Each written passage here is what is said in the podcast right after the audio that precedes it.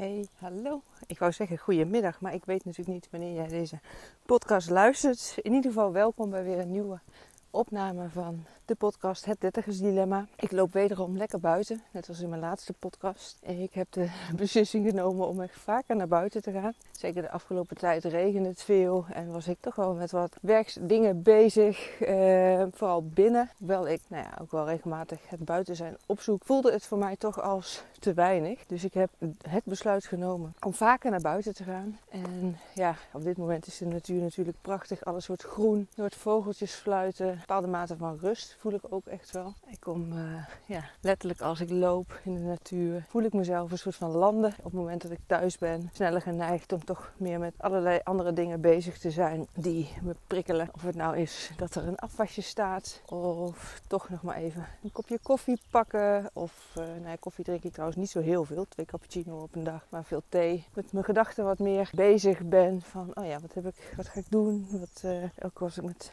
dingen bezig ben voor, voor mijn bedrijf. En zodra ik ga lopen en in de natuur ben, ja, wordt het rustig in mijn hoofd. Voelt alles ook alsof ja, het land en, en de kwartjes op hun plek vallen, zeg maar. De puzzelstukjes op hun plek vallen, de kwartjes vallen, zo is het natuurlijk. Nou ja, dat is ook waar ik het nu met jou over wil hebben. Hoe ga jij dan zo'n dag door van je leven, van, van de week? Als je nu eens even kijkt, als je dit luistert, waar ben je dan? Zit je in de auto op weg naar een volgende afspraak? Heb je in je oortjes terwijl je aan het stofzuigen bent? Misschien even tussen twee afspraken door, dat je zegt ik ga wel even het buiten opzoeken. Zijn er momenten dat je ook even echt ja, afstand neemt van wat je aan het doen bent. Om niet per se iets te moeten doen, maar wel even alles op zijn plek te laten landen. Want de valkuil is altijd om maar door te gaan. Weer steeds weer opnieuw prikkels te hebben. Om vaak ook de belemmerende overtuiging te hebben van dat je moet werken, bezig moet zijn om bijvoorbeeld, misschien ook op je werk, dat je dat merkt om productief te zijn. Terwijl we allemaal weten, denk jij ook, dat onze spanningsboog eigenlijk maar heel kort is. En op het moment dat je continu maar in de mode zit van maar doorgaan en moeten presteren en produceren, dat het eigenlijk helemaal niet zo effectief is. Dan dat je even afstand neemt van de situatie, even afstand neemt van wat je aan het doen bent, om op die manier ja, even weer uh, tot jezelf te komen en van daaruit bepaalde taken, werkzaamheden weer op te pakken. Ik sprak laatst met iemand die bezig is met een scriptie, uh, soms uren achter de laptop zit om ja, maar ja, in principe te starten, om bezig te gaan met de opdracht die zij te doen heeft. Waarbij ze ook aangaf, ja, ik zit dan achter die laptop, ik voel de druk dat ik moet presteren, dat ik het moet gaan bedenken, dat er moet gaan komen. En mijn hoofd is gewoon leeg. Het stroomt niet, het komt niet. Ja, het gaat En daardoor komt er natuurlijk nog minder inspiratie. Want uiteindelijk ga je jezelf maar meer in de weg zitten. Dat is wat ik ook met haar besproken heb. En als tool heb meegegeven. Van hé, hey, neem juist eens even afstand. Daar waar je denkt ik moet doorzetten en doorgaan. En, want hoe langer je achter die laptop blijft zitten, hoe minder er uit je handen komt, uit je hoofd komt. Uh, maar juist door even afstand te nemen, even iets heel anders te gaan doen. Naar buiten te gaan bijvoorbeeld, even te wandelen. Bewust te zijn van je omgeving, wat je dan wel te doen hebt is te zorgen als je dan even fysiek afstand neemt van die laptop, dat je ook als je buiten loopt mentaal afstand neemt van die plek. En dat je een oefening die je daarbij kan doen is als je naar buiten gaat en gaat wandelen, heel erg bewust bent van alle zintuigen die op dat moment geprikkeld worden. Dus dat je om je heen kijkt, wat zie ik nu eigenlijk allemaal? De kleuren van de bomen of wat zie je als je in de stad loopt?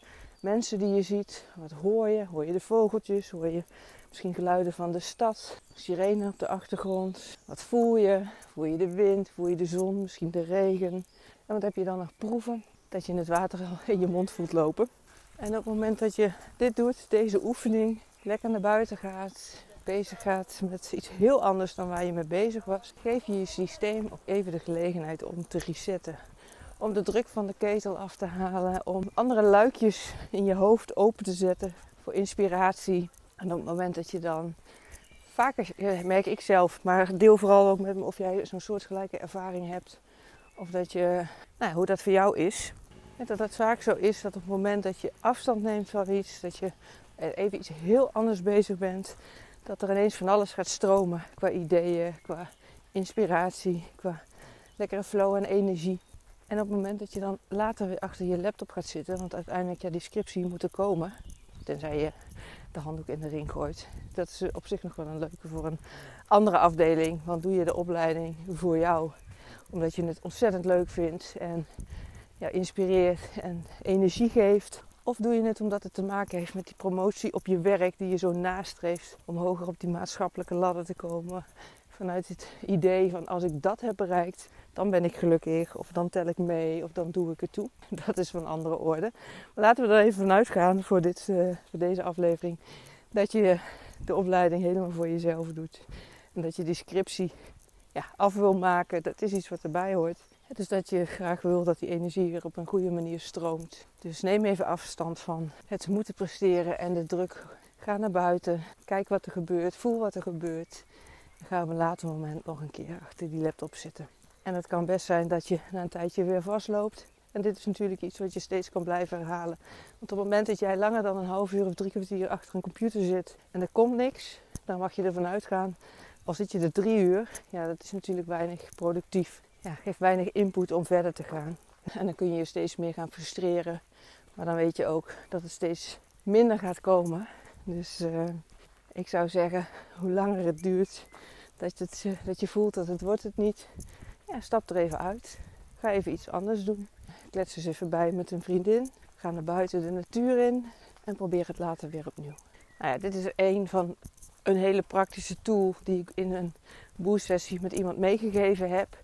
En wat wel grappig is, wat diegene zei, is van ja, eigenlijk weet ik dit wel. En dat is ook zo. Heel veel weten we natuurlijk van wat voor ons werkt en wat helpend kan zijn. En uh, wat we zouden moeten doen, tussen aanhalingstekens. Maar we doen het niet. Vaak niet. Dat maakt ook dat ik inderdaad met mezelf echt die beslissing heb genomen van ik ga vaker naar buiten, want ik weet dat het goed voor me is. Ik voel dat het goed voor me is en toch doe ik het te weinig. En op het moment dat ik een afspraak met mezelf maak, beslissing neem vanuit ik wil nou, goed voor mezelf zorgen, ik wil in energie zijn, ik wil energie ervaren, ik heb energie. En wat heb ik daarvoor nodig? Dat is inderdaad zuurstof, vogeltjes die fluiten, uh, de buitenlucht. Op het moment dat jij de keuze maakt om daarin goed of beter voor jezelf te zorgen, dan zal het ook makkelijker zijn om ja, dat te doen. Dus dat is ook waarin een boost sessie jou kan helpen om even weer op scherp te zetten wat voor jou belangrijk is. En de dingen die je wellicht weet, maar op dit moment niet ja, echt aan de oppervlakte hebt van wat, je, wat ja, voor jou helpend is ja, naar boven te halen. En dat je dus met jezelf ook afspraken kan maken. Oké, wat heb ik de komende periode nodig en hoe ga ik daar invulling aan geven? Mocht jij nou ook ervaren dat je met iets bezig bent waarvan je zegt, nou, daar kan ik wel even wat ondersteuning bij gebruiken. Of even wat praktische tips. Een andere invalshoek die je kan helpen om te kijken van, ja, wat maakt nou dat het wel gaat lukken om goed of beter voor mezelf te zorgen. In plaats van maar door te gaan met wat ik steeds zeg, de red race van het leven. Zoek dan even contact met me. Stuur me een DM op Instagram. Dan kunnen we samen kijken naar een afspraak te maken voor een boost sessie. En dan hebben wij een uur lang de tijd om één op één in te zoomen op jouw specifieke situatie. Zodat jij na dat uur met hele concrete tools aan de slag kan gaan. Praktische informatie over de boost sessie. Wat ik al zei, het is één op één. Het is een uur lang. Je gaat met praktische tools ja, eh, de fysieke deur uit. Het is online. En uh, de kosten daarvan zijn 77 euro. Dank je voor uh, het beluisteren van deze aflevering. Ik hoor graag van je terug wat je eruit haalt. Of het ook iets is waardoor je, als je deze aflevering luistert, een stukje bewustzijn weer creëert voor jezelf. Wat je ermee doet. Ik wens je in ieder geval een hele mooie dag toe. En een heel mooi leven. En ik spreek je snel weer.